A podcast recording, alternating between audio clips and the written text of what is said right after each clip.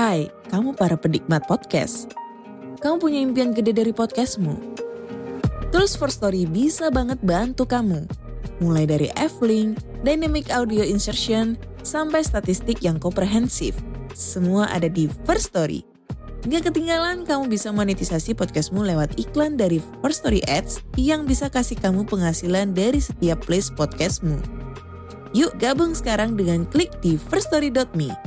Sekali lagi, klik di firststory.me. Mari kita bawa mimpi podcastingmu menjadi kenyataan.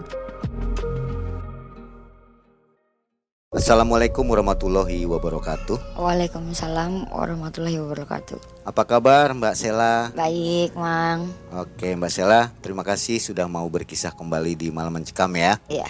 Ini berarti kali kedua Mbak Sela berkisah Iya, di betul. sini.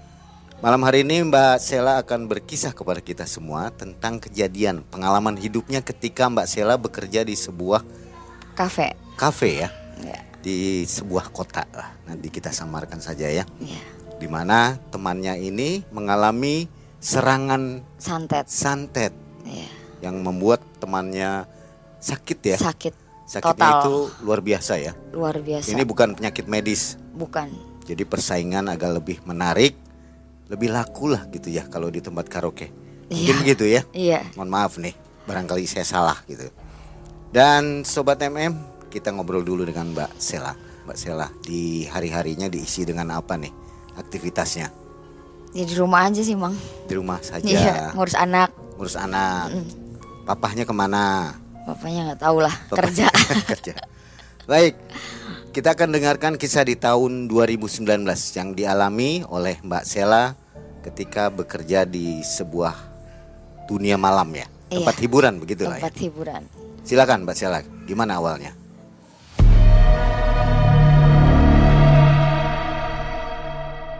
Jadi gini, Mang, ceritanya. Saya tuh berangkat itu atas dasar kemauan sendiri ya. Saya kerja di kafe itu di ngerantau di Batam. Tepatnya di kafe.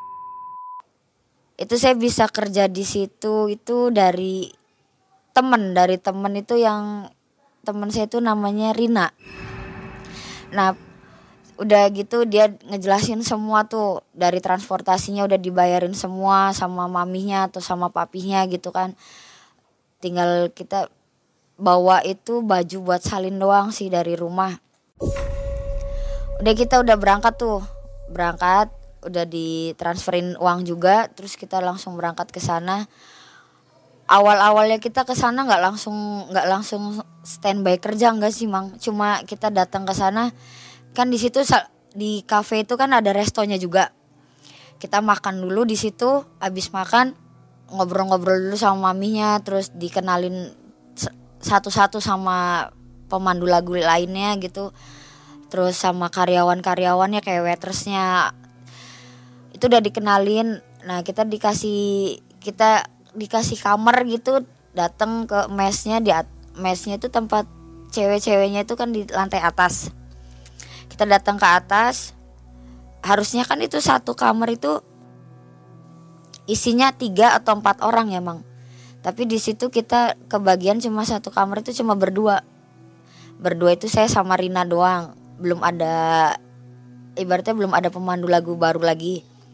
Terus datang tuh si ibaratnya kak senior ya kakak senior datang ke kamar.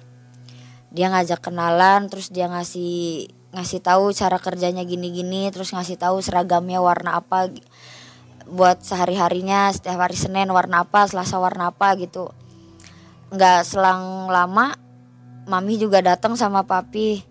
Nah itu saya sama si Rina itu dibagi dua. Jadi intinya dibagi dua dalam kerjaan. Kerjaan itu ada levelnya dari level 1 level 2 level 3 nah kalau saya itu ke bagian level 2 si Rina ke bagian level 3 kalau level 3 itu ibaratnya udah udah paling wah gitu ya Mang ya. Udah diselesai udah diceritain gini-gini eh, cara peraturan kerjanya gini. Besok malamnya udah mulai kerja. Nah itu saya aslinya saya fokus ke satu cewek mang. Fokus ke satu cewek yang senior di situ. Itu bisa dibilang punten ya jelek gitu lah mang. Udah mah hitam gitu. Kalau di mata kita ngelihat sendiri tuh dia tuh hitam terus cuma menang body doang sih emangnya bagus gitu. Cuma kalau dari dandanan atau dari dari muka emang udah kelihatan kayak jelek aja pokoknya udah jelek. Tapi pas setiap kontes itu dalam arti kontes itu pemilihan kalau setiap ada tamu datang kita itu kan di dalam layar ada kaca gitu kan mang. Ada kaca dalam layar itu kita dibagi dua tuh. Eh, bagian yang level satu dulu masuk ke dalam uh, ibaratnya kalau di sana dikatain akuarium ya. Masuk dulu ke akuarium. Nah di kalau misalkan nggak ada yang dipilih yang level 1 itu keluar lagi masuk level 2 dari level 2 masuk misalkan ada yang dipilih nih dipilih misalkan saya yang dipilih. Udah nanti yang dipilih itu kita siap-siap. Nah nanti level 3 masuk lagi. Itu kontes masuk level 3 nah si Rina ini di booking gitu kan dipilih sama si tamu tuh. Pas banget ketemunya sama saya si Rina itu nggak taunya satu laginya sama yang cewek yang saya fokusin itu mang. Di, kepilih juga sama si cewek itu. Cewek itu namanya Mia ya kalau kalau nama malamnya dia Mia. Udah dipilih nih or, orang tiga. Datang tuh ke room. Dia kayak orang nggak seneng gitu mang sama si Rina gitu kan. Udah dari awal udah saya pikirannya udah nggak enak aja sama dia udah udah nggak enak. Dia mau mau nyanyi Mikedis robot sama si Mia itu kan. Udah jadi saya bilang ke si Rina udah Rin biarin aja udah kita nemenin tamunya aja. Nggak usah ngirauin dia mungkin dia orang lama di sini kata saya gitu. Oh ya udah. Ya udah sel anterin kita dulu ke belakang katanya. Ya udah ke belakang itu ngobrolin masalah si Mia katanya.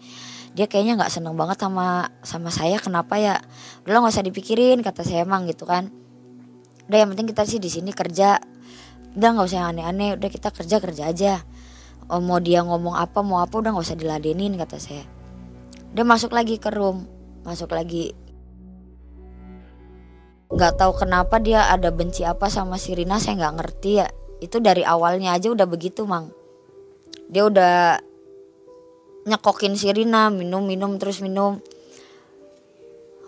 Udah udah nggak selang lama itu udah selesai udah selesai booking ya. Masuk lagi kan ke ruang pemandu lagu. Udah masuk. Ada tamu lagi tuh dateng. Sekitar 10 menitan lah. Pemilihan lagi kan kontes lagi tuh. Seingat saya ya itu nggak masuk ke akuarium sih Mang. Seingat saya itu tamunya mungkin itu tamu langganan di situ ya. Dia masuk datang datang sendiri terus sama si maminya juga suruh buka pintu dia milih sendiri ceweknya mau yang mana. Ya orang tiga itu lagi mang. Saya Rina Mamia itu. Datang lagi. Tambah satu lah. Itu kalau nggak salah ya sama kakak senior juga itu kepilih empat pemandu lagu gitu kepilih empat orang. Datang lagi tuh ke room. Datang ke room nah terus si Mia ini kayak orang sengit atau gimana gitu saya nggak ngerti ya. Terus ada cairan minuman itu entah dikasih kayak pil gitu nggak tahu pil apa saya nggak ngerti. Itu mau saya minum cuma ditahan sama si kakak senior yang satunya itu sebut aja dia Kiki lah. Nah sama si Teh Kiki ini dilarang jangan kamu yang minum katanya. Kenapa emang kak kata saya tuh nggak apa-apa. Nah, diminum tuh disuruh minum si Rina yang suruh minum. Saya bilang Rin hati-hati kalau bisa jangan ditelan kata saya tuh ngomong gitu. Emang kenapa? Soalnya dia tadi ngelarang saya minum. Eh mungkin dia keenakan kali mang ya minumnya. Dia dihabisin tuh minumannya sama si Rina. Udah udah nggak selang lama udah nyanyi nyanyi nyanyi gitu udah sampai closing. Terus kita bubaran tuh bubaran kita balik ke mes. Nah si Rina di situ udah mulai ngeluh sama saya. Sel kenapa ya kok perut saya sakit? Kata dia kan tadi saya udah bilang jangan diminum. Tadi juga saya pengen minum dilarang tuh sama si Teh Kiki nggak boleh. Tapi sama kamu kok dibolehin kenapa ya? Kata saya tuh. Ya itu yang nggak tahu ya. Kita juga kata dianya nggak lama itu dua menit lah mami masuk kamar itu. Dia ngomong gimana enak nggak tuh? Tadi tam, dapet tamunya rese enggak kita jawab enggak sih mi. Nggak rese ya lumayan berduit juga kata saya. Pas maminya mau keluar itu nggak sengaja si Rina Noel tangan mami kan. Noel gitu terus dia ngomong Mih uh, bentar dong Rina mau nanya boleh nggak? Iya boleh kenapa Rin? Ini sih hampura ya Mi cuma mau sekedar nanya aja. Itu kalau si Mia itu dia pakai susuk ya Mi gitu kan. Dia spontan nanya gitu spontan. Emang kenapa Rin? Enggak, soalnya nggak sengaja ngeliat juga mi. Dia kalau misalkan nggak dandan katanya. Mukanya biasa aja gitu kan. Oh ya kalau di sini sih emang udah biasa. Jadi ibaratnya kalau persaingan antar pemandu lagu gitu kan itu dari kota-kota mana aja gitu kan saingan kayak gitu mah udah biasa mau pakai susuk gitu juga katanya. Oh tapi dia kayaknya kayak sengit banget ke saya. Kenapa ya mi? Dia udah mulai nanya begitu mang. Udah nggak usah dihirauin yang penting kamu datang ke sini jauh-jauh dari Cirebon datang ke sini itu mau kerja intinya gitu. Oh ya udah mi. Nggak selang lama mang besoknya itu Sirina udah ngeluh pusing tuh. Udah ngeluh pusing dia ngomong sama saya sel kayaknya sehari ini nggak berangkat dulu deh kenapa kamu kata saya kepala saya berat banget pusing banget lah kenapa kok tiba-tiba kamu tadi biasa aja kata saya ngomong gitu. Nggak tahu kenapa ini saya tiba-tiba juga saya ngerasain pusing banget terus badan ngerasa kayak berat gitu mang. Itu si Rina itu tiba-tiba muntah mang. Tiba-tiba muntah. Saya kaget dong. Saya madep ke belakang. Kamu kenapa Rin? Gak apa-apa aja kayaknya masuk angin. Udah gampang nanti biar saya yang beresin kata dia. Oh ya udah saya berangkat dulu ya. Udah kamu di sini biar nanti saya suruh papi atau mami bawain obat gitu. Mikir saya juga sakit biasa mang. Ya udah saya makasih kata dia. Ya saya keluar. Saya keluar saya ketemu tuh sama si papi. Ketemu sama papi. Nah saya cerita sama papi Pi itu si Rina sakit di kamar. Dia nggak kerja hari ini dia izin sakit apa saya tadi sih saya ngeliat dia muntah terus kepalanya juga katanya dia pusing badannya ngerasa berat gitu. Oh ya udah ntar papi ke sana gitu. Nah udah saya tinggal aja tuh tinggal si papi. Saya kerja kan saya kerja. Nah saya diomongin tuh sama si cewek itu sama si Mia itu. Temen kamu mana? Lagi sakit kak kata saya tuh ngomong gitu. Oh sakit ya udah deh bagus kata dia jawabannya. Kok gitu jawabannya? Ya nggak apa-apa. Itu seharian full. Tamu nggak datang cuma tamunya si Mia doang yang datang. Jadi kalau dibilang itu sepi lamang lah. Nggak ada tamu sama sekali cuma tamunya si Mia itu datang. Dan dia juga ngajak saya mang. Ngajak saya dia ngeret saya. Kamu nggak di booking katanya saya antara takut juga ya di booking sama dia takut dikerjain juga mang kayak kemarin itu. Tapi nggak apa-apa lah lillahi ta'ala saya ikut tuh. Namanya rezeki kan mang nggak nggak mau tak tolak sama saya. Datang saya ikutan saya ikut di booking sama dia sama tamunya dia. Ya biasa aja minum minum biasa. Dia mabok ya saya juga mabok gitu kan. Biasa aja. Udah gitu nggak selang lama dia cerita masalah Rina. Kalau misalkan ada apa-apa sama temen kamu kabarin saya ya saya, uh, saya mau tahu.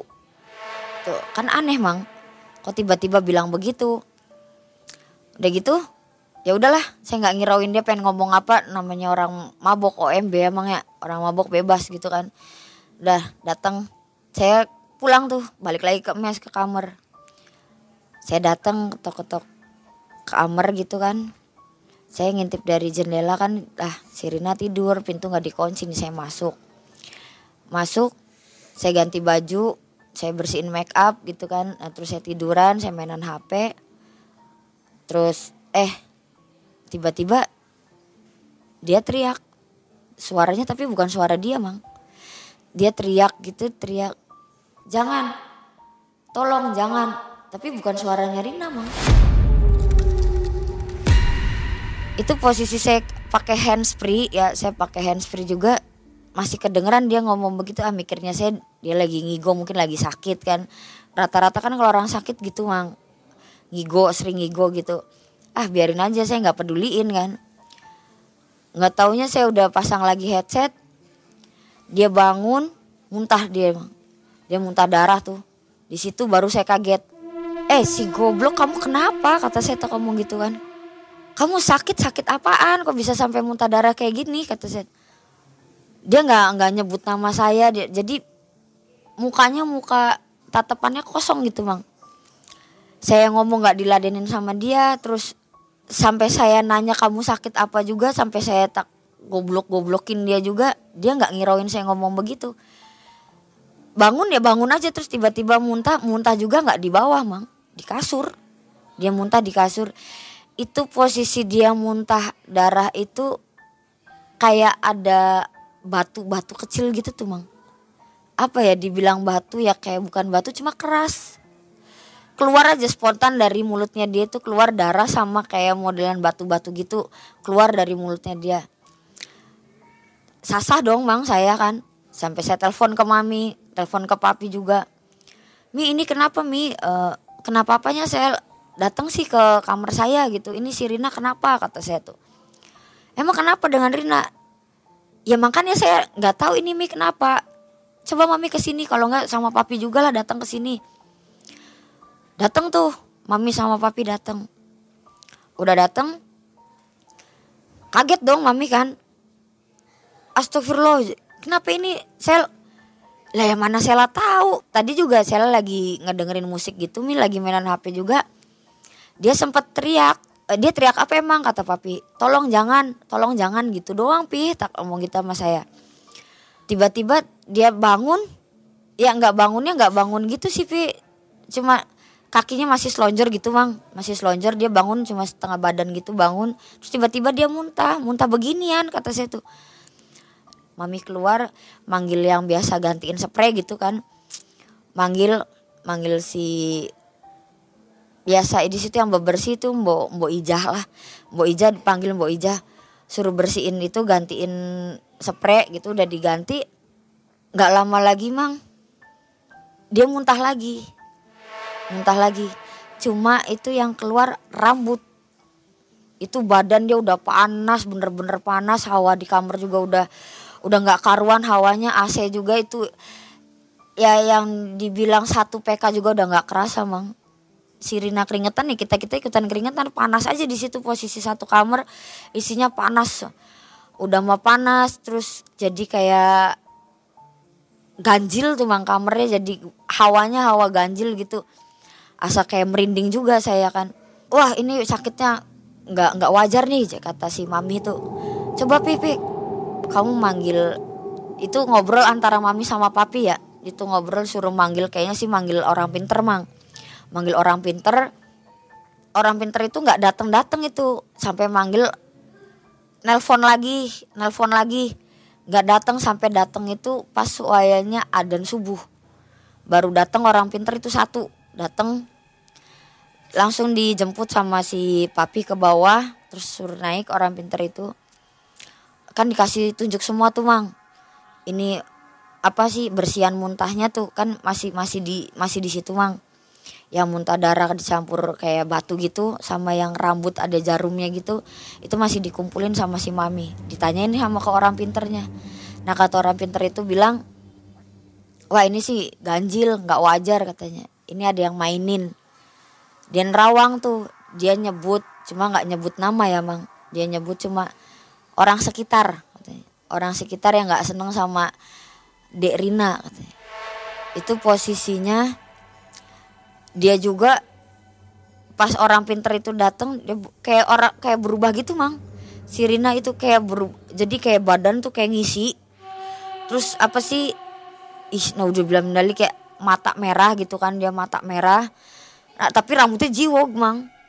Pas di situ dia baru melek tuh. Baru ada orang pinter itu datang dia melek. Nah entah itu pakai bahasa apa mang saya nggak ngerti ya tuh ya orang pinternya itu ngajak ngobrol itu bahasanya pakai bahasa Jawa cuma Jawa alus mang. Jawa alus cuma saya nggak ngerti ya nggak nggak begitu paham sama bahasanya dia. Kamu itu siapa? Katanya. Cuma si Rina jawab nggak perlu tahu saya siapa katanya. Nggak perlu tahu saya siapa saya yang ngejaga anak ini katanya. Kok tiba-tiba dia sakit begitu tapi kok yang datang yang ngejaganya gitu kan. Bentrok tuh mang. Udah abis ngejiwok gitu kan dia berubah lagi tuh.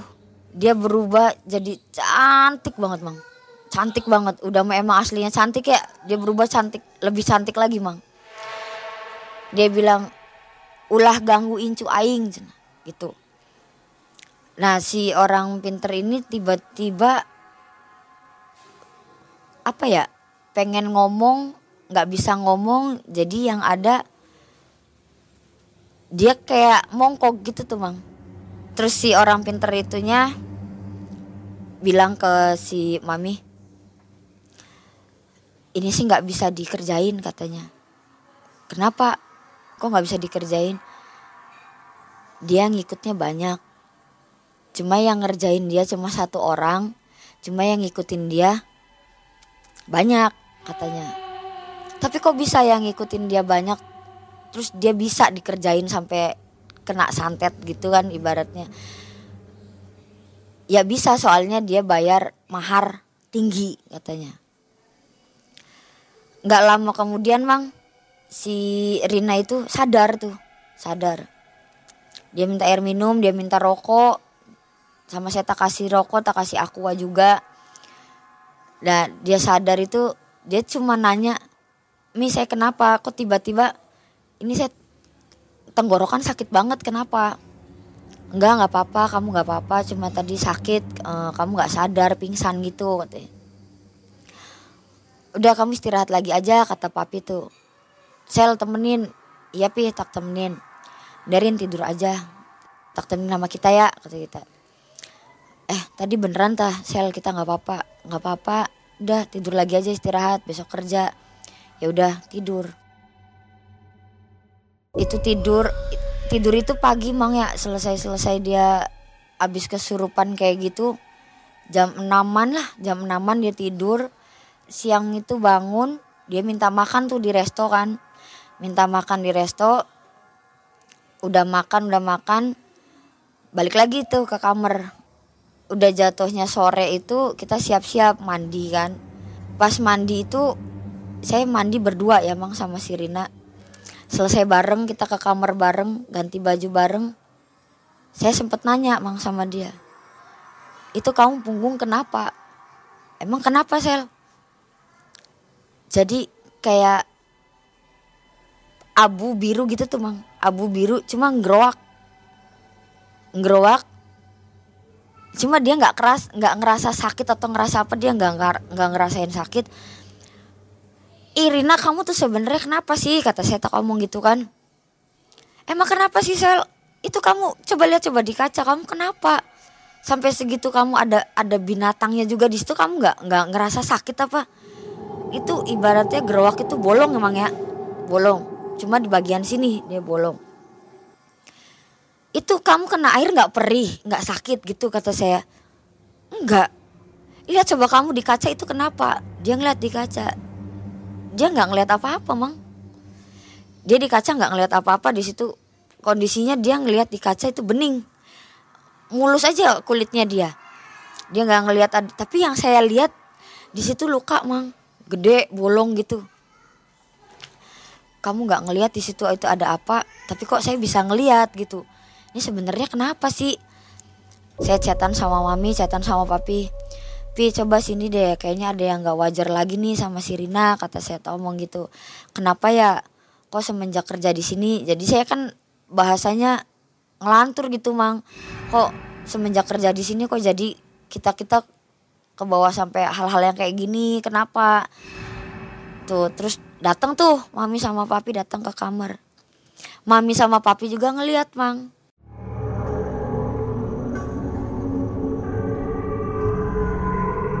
mereka ngelihat juga. Cuma si Rina itu nggak ngelihat sama sekali kalau dia badannya bolong itu nggak ngelihat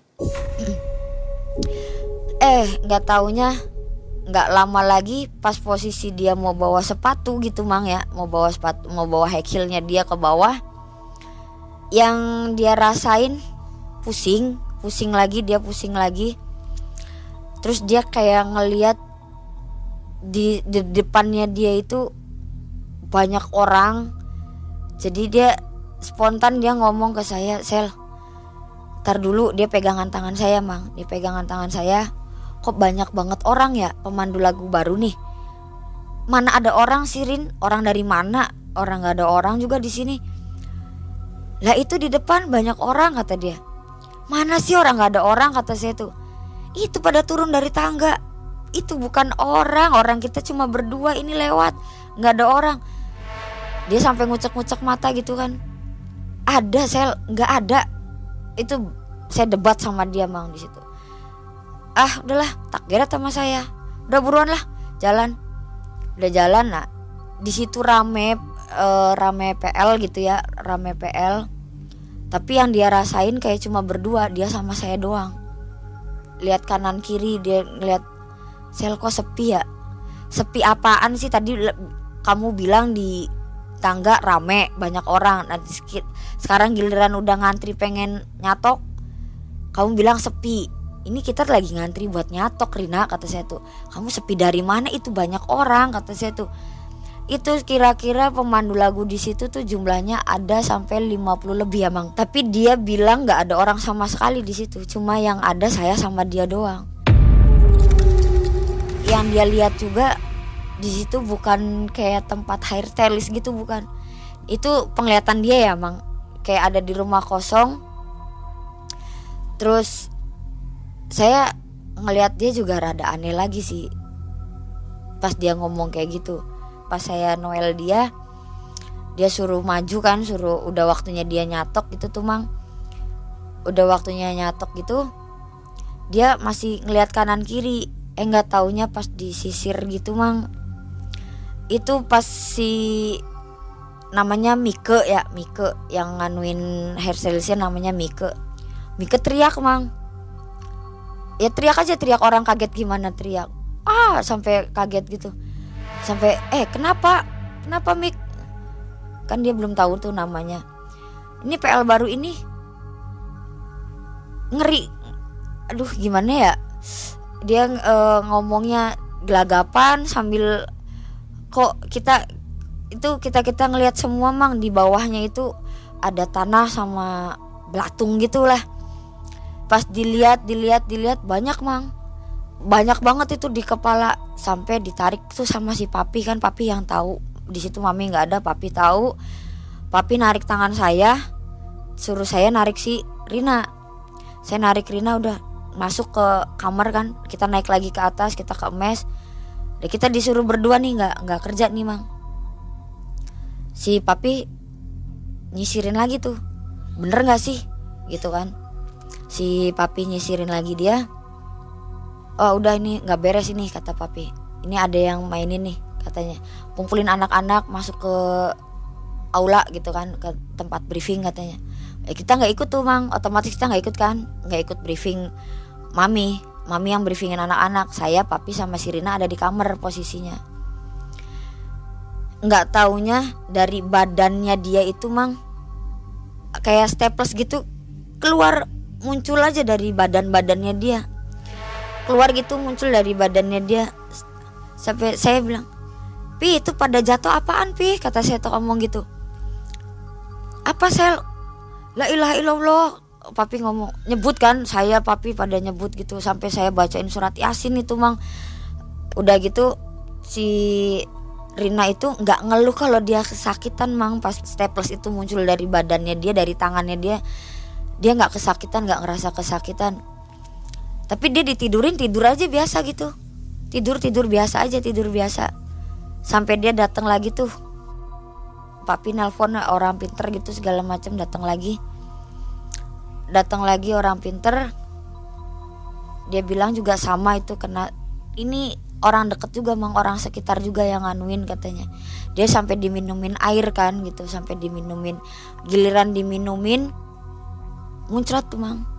Dia berdarah tuh berdarah campur rambut lagi mang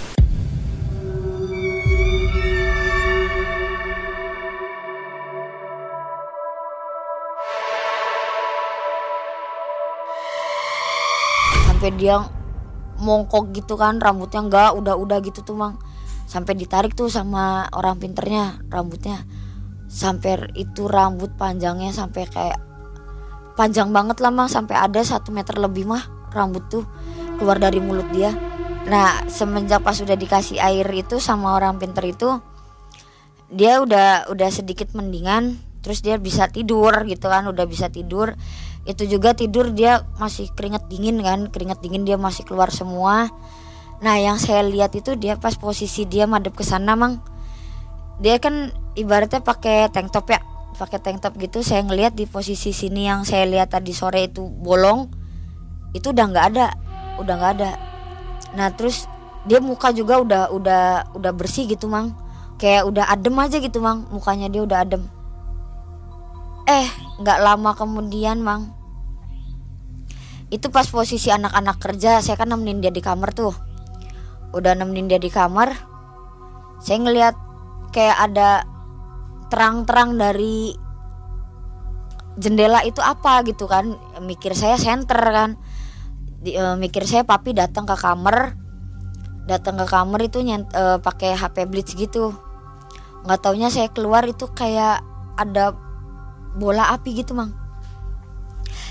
Aduh kayak ada bola api gitu itu cuma dia masih masih muter-muter gitu mang. Masih bolak-balik gitu masih bolak-balik.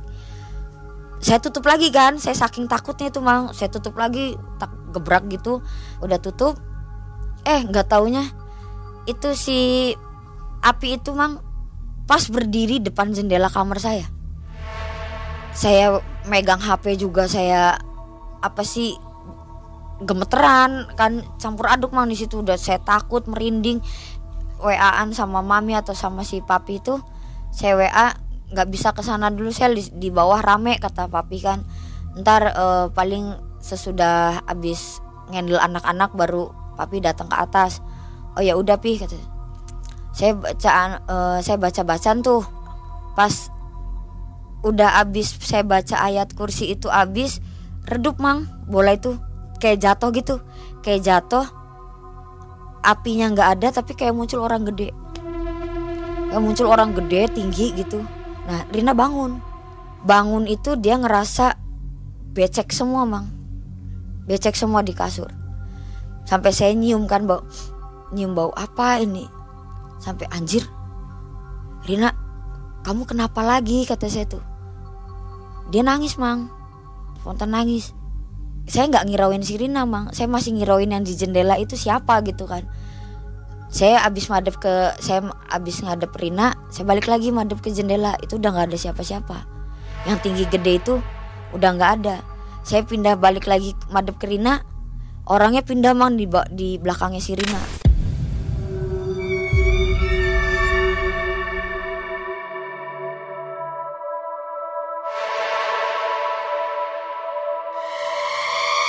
Allahu Akbar. Saya kaget kan? Ya Allah kok kayak gini aja? Rin balik aja yuk Rin. Balik yuk kata saya tuh kamu gitu Rin balik aja yuk. Di, si Rina itu masih nangis. Sel sakit sel sakit. Dibilang e, kemaluan dia sakit, sakit nah saya nggak nggak ngechat lagi mang. Saya langsung telepon. Papi buruan datang ke sini. Papi datang ke sini. Kamu kenapa saya udah buruan datang ke sini pi. Datang. Saya saya tutup teleponnya saya telepon mami Mi buruan Mi datang ke kamar sini datang. Udah datang ke kamar. Ya Allah Mi, saya tuh saya saya mau pulang, saya mau pulang katanya. Kamu kenapa? Itu lihat si Rina kayak gitu, kenapa? Ya Allah Rina kamu kayak gini lagi kenapa? Jadi itu campur aduk mang ada lendir, nanah, plus ada darahnya juga. Itu keluar dari kemaluannya dia. Keluar baunya bau busuk banget mang bau busuk banget itu udah udah mah bau busuk. Terus si yang Rina rasain tuh cuma nangis dia bilang sakit sakit. Dia bangun itu juga mang. Bangun posisi tidur itu badannya dia juga di kasur tuh campur ada tanah juga mang di situ. Ada tanah cuma tanah tanah merah. Nggak lama mami juga manggil orang pinter lagi. Nah yang terakhir ini orang pinter yang terakhir ini dia mendal mang. Mendal. Malah dia yang muntah darah juga orang pinternya. Nggak bisa. Nggak bisa ngobatin si Rina ini nggak bisa. Saya bilang ke si mamihnya tuh Mi ini sebenarnya ada apa sih? Kira-kira Sela tahu nggak ada yang nggak suka sama dia siapa? Kalau dari awal pertama Sela sama Rina datang ke sini itu ada yang nggak suka sama dia itu uh, saya sebut dia Mia. Saya sebut Mia dipanggil tuh mang. Akhirnya kan Mia itu posisi lagi di booking. Lagi di booking sama tamunya. Mia dipanggil digeret sama si papi dia datang ke kamar saya. Terus Mia diomongin awalnya dia nggak ngaku. Dia awalnya nggak ngaku. Sampai sejauh saya masih kerja di situ juga dia masih belum ngaku kalau dia nganuin mang.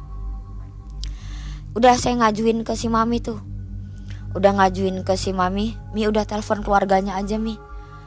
Daripada ting batingnya saya sama Rina terus-terusan dilanjut kerja di sini barangkali ada apa-apa dengan dia nanti nyambernya ke saya juga gitu kan.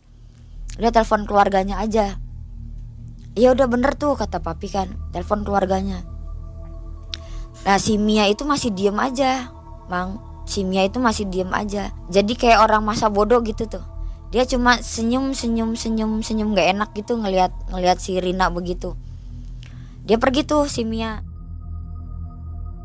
Lusa itu keluarganya dateng. Itu keadaan si Rina masih tiduran gitu di kasur. Masih tiduran di kasur nggak bisa berdiri nggak bisa sama sekali nggak bisa ngangkat tangan aja dia nggak bisa ngangkat kaki nggak bisa mau makan dia nggak bisa harus disuapin. Sekalinya disuapin makan dia nggak mau mang muntah sekalinya diminumin nggak mau muntah lagi. Nah itu keluarganya datang itu sebutlah dia bawa bukan orang pinter ya mang. Dia bawa itu bawa dari masih saudara juga dia bawa kayak macamnya kiai gitu. Macamnya kiai dia datang. Pas semenjak kiainya yang ngobatin si Rina itu dia segala macam diminumin apa nggak tahu diminumin apa gitu mang. Saya nggak ngerti terus diobatin gitu. Pokoknya diobatin lah sama kiainya itu yang dibilang masih saudaranya dia. Jadi efeknya efeknya kena balik ke yang nganuin ya mang nggak sengaja saya ngedenger jeritannya. Itu posisinya ini kan kamar saya mang. Ini ada depan kamar. Nah si Mia itu kan depan kamar sini sebelah sini. Saya ngedenger si di kamarnya si Mia itu ngejerit mang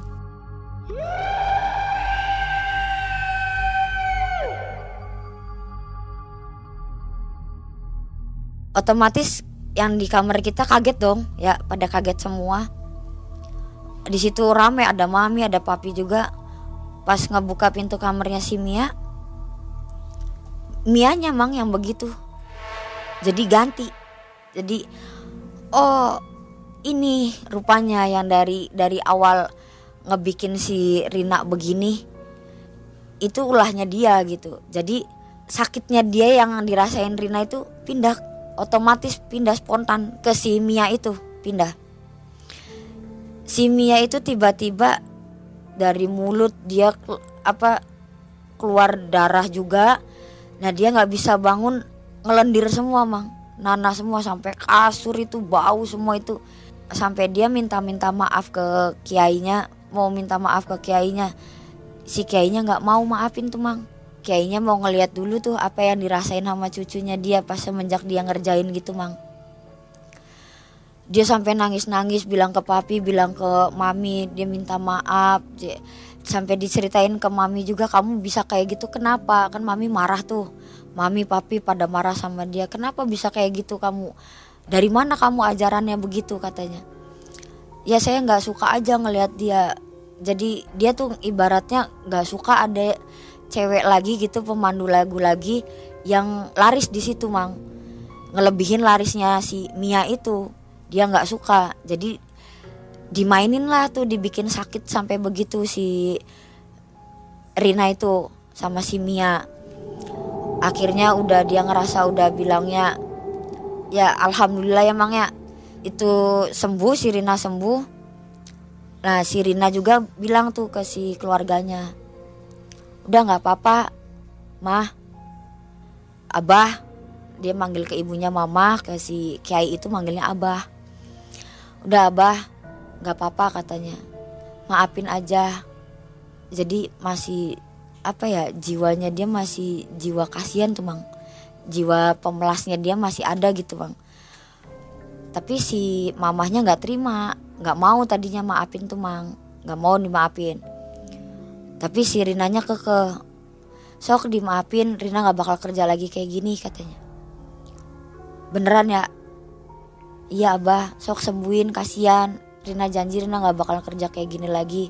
Dari Rina mau mau hidup normal aja katanya kan. Udah nggak mau kerja kerja malam lagi. Jadi ibaratnya disembuhin tapi masih ada masa pemulihan emang ya belum sembuh total gitu. Cuma itu eh, kemaluannya masih masih nanahan masih lendir gitu emang masih. Cuma udah udah disembuhin sama si abah. Cuma si abahnya bilang nunggu sampai bener-bener kamu tobat katanya. Bener-bener nunggu sampai kamu tobat bener-bener sampai kamu nggak nggak sirik sama orang itu kamu bakalan sembuh dengan sendirinya. Obat saya bakalan ada di badan kamu kata si abah itu itu nangis nangis mang sama si abah tuh sampai dia minta maaf sujud. Pengen sujud ke Rina juga dia susah. Pengen berdiri dia susah pengen apa susah. Akhirnya entah itu belum sampai seminggu lah baru lima hari. Si Rina udah bisa jalan udah mau pulang. Terus dia buka pintu si Mia tuh pintu kamarnya Mia. Mau izin pamit kan sama papi sama mami juga. Mau izin pamit pulang sama si Mia juga. Ya alhamdulillah Mianya juga sembuh. Mianya sembuh cuma ya gitulah jadi kayak rada apa ya mang? Kayak linglung. Kayak orang linglung dia nggak tahu itu. Jadi kayak kadang ketawa sendiri gitu tuh mang. Jadi kayak dia sem dia bikin orang sakit dia disembuhin juga dia yang kena sendiri dia yang edan gitu tuh mang. Jadi dia tuh posisinya pas kita kita mau pamit mau pulang ke kamarnya dia dia tuh lagi lagi sisiran lagi ngacaan gitu sambil ketawa-ketawa sendiri dia. Pas ngelihat ke kita dia nyengir gitu e, kamu siapa? gitu jawab ya kayak orang gila aja mang. Itu sampai dia dipulangin tuh sama si mami. Terus itu kan saya posisi nggak langsung pulang tuh mang nggak langsung pulang ke rumah. Saya nginep dulu kan di rumah si Rina. Ada ada selang waktu sih berapa hari gitu terus si mami itu nelpon ke si Rina. Nelpon ke Rina gimana kabarnya? Sehat? Apa gimana? gitu kan. Terus si si Rina jawab sehat katanya. Oh nah saya ya saya yang penasaran saya ngomong oh ya mi gimana kabarnya kami ya? Ya itu baik sih baik. Cuma ya jadinya linglung sel katanya sampai sekarang dia bilang linglung ya nggak tahu kalau sekarang sekarang ini di keadaannya kayak gimana saya nggak ngerti mang udah lama nggak ketemu juga Sela sebelum mm -hmm. berakhir video ini mungkin ada saran atau pesan untuk mereka yang masih melakukan profesi ini. Silakan Mbak. Ya kalau kata Sela mah ya sarannya buat pemandu lagu gitu ya LC kerja sportif aja gitu tuh mang. Gak usah sampai ada saingan-saingan sampai kayak gitu. Kasihan ibaratnya kasihan ke badan yang di sakitinnya gitu juga kan. Nanti toh otomatis kena ke badan kita sendiri kan jadinya. Kayak yang kasusnya si Mia itu. Jadi udah yang wajar-wajar aja nggak usah sampai nyantet-nyantet begitu. Saya nggak ada hak buat ngelarang-larang mereka yang mau kerjanya sebagai profesinya jadi pemandu lagu atau mau jadi ibaratnya ya yang kerja kerja karaoke gitu yang open bo atau mau apa gitu. Saya nggak ngelarang cuma ya yang saya saranin udahlah gitu kerjanya yang kerja kerja seperti itu tinggalin gitu. Ya janganlah sampai sekiranya main-main dukun atau main santet atau main-main hal-hal yang goib gitu nggak usah sampai yang se begitulah maksudnya Sobat Malam Mencekam, demikian kisah yang menginspirasi kita dari Mbak Sela. Mudah-mudahan kita terhindar dari hal-hal buruk dan jangan lupa selalu dekatkan diri kita kepada Allah Subhanahu wa taala. Mang Ei dan tim undur diri. Terima kasih Mbak Sela. Assalamualaikum warahmatullahi wabarakatuh.